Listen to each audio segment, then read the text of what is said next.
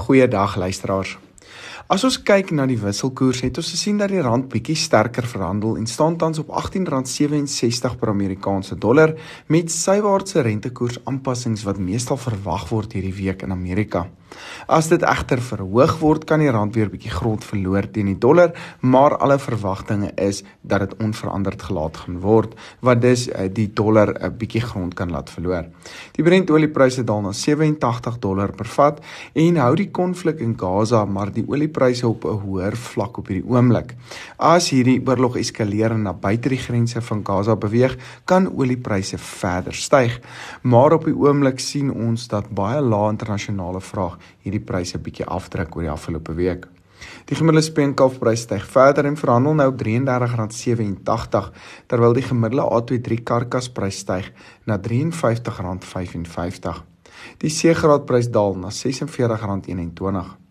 Agraadpryse kan van middel November moontlik weer begin styg en uh, moontlik tot die R55 merk beweeg as soos ons nader aan Kerstyd beweeg.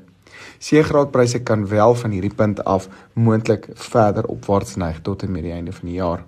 Speenkalfpryse kan teen middel Desember 'n moontlike laagtepunt bereik, maar dan redelik skerp styg in Januarie en dan weer 'n hoogtepunt vroeg in Februarie moontlik bereik. In die skaapbedryf het die stoorlandprys gestyg na R39.10 en wys vir uitskatting steeds dat ons laer pryse in November en Desember kan verwag. Die A23 karkasprys styg na R84.40 terwyl die C23 prys styg na R59.69. Hierdie is 'n baie goeie teken vir die skaapbedryf met vraag wat besig is om te verbeter. Heidiglik lyk dit of ons weer nader aan die R90 merk vir A-grade kan kry teen die einde van die jaar.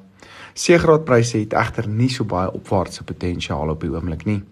Soos verwag het wolpryse 'n bietjie gestyg laasweek met die RWS prys op R168.85 terwyl die nie RWS prys styg na R152.59.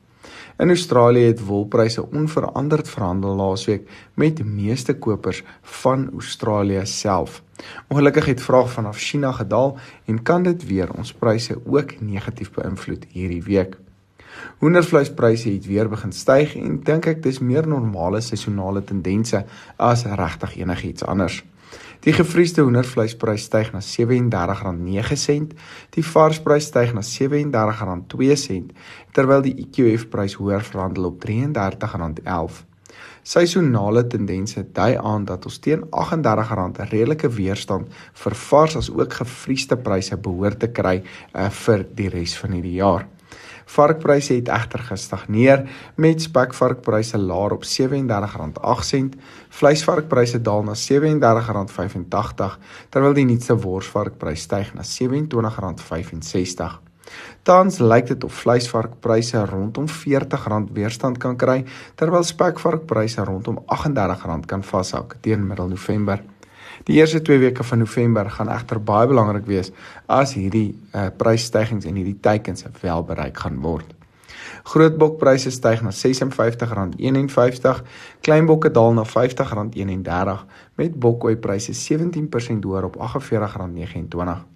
Grootbokpryse het dalk nog so 'n bietjie ondersteuning tot die einde van die jaar terwyl bokkooi en kleinbokpryse meestal sywaarts behoort te bly.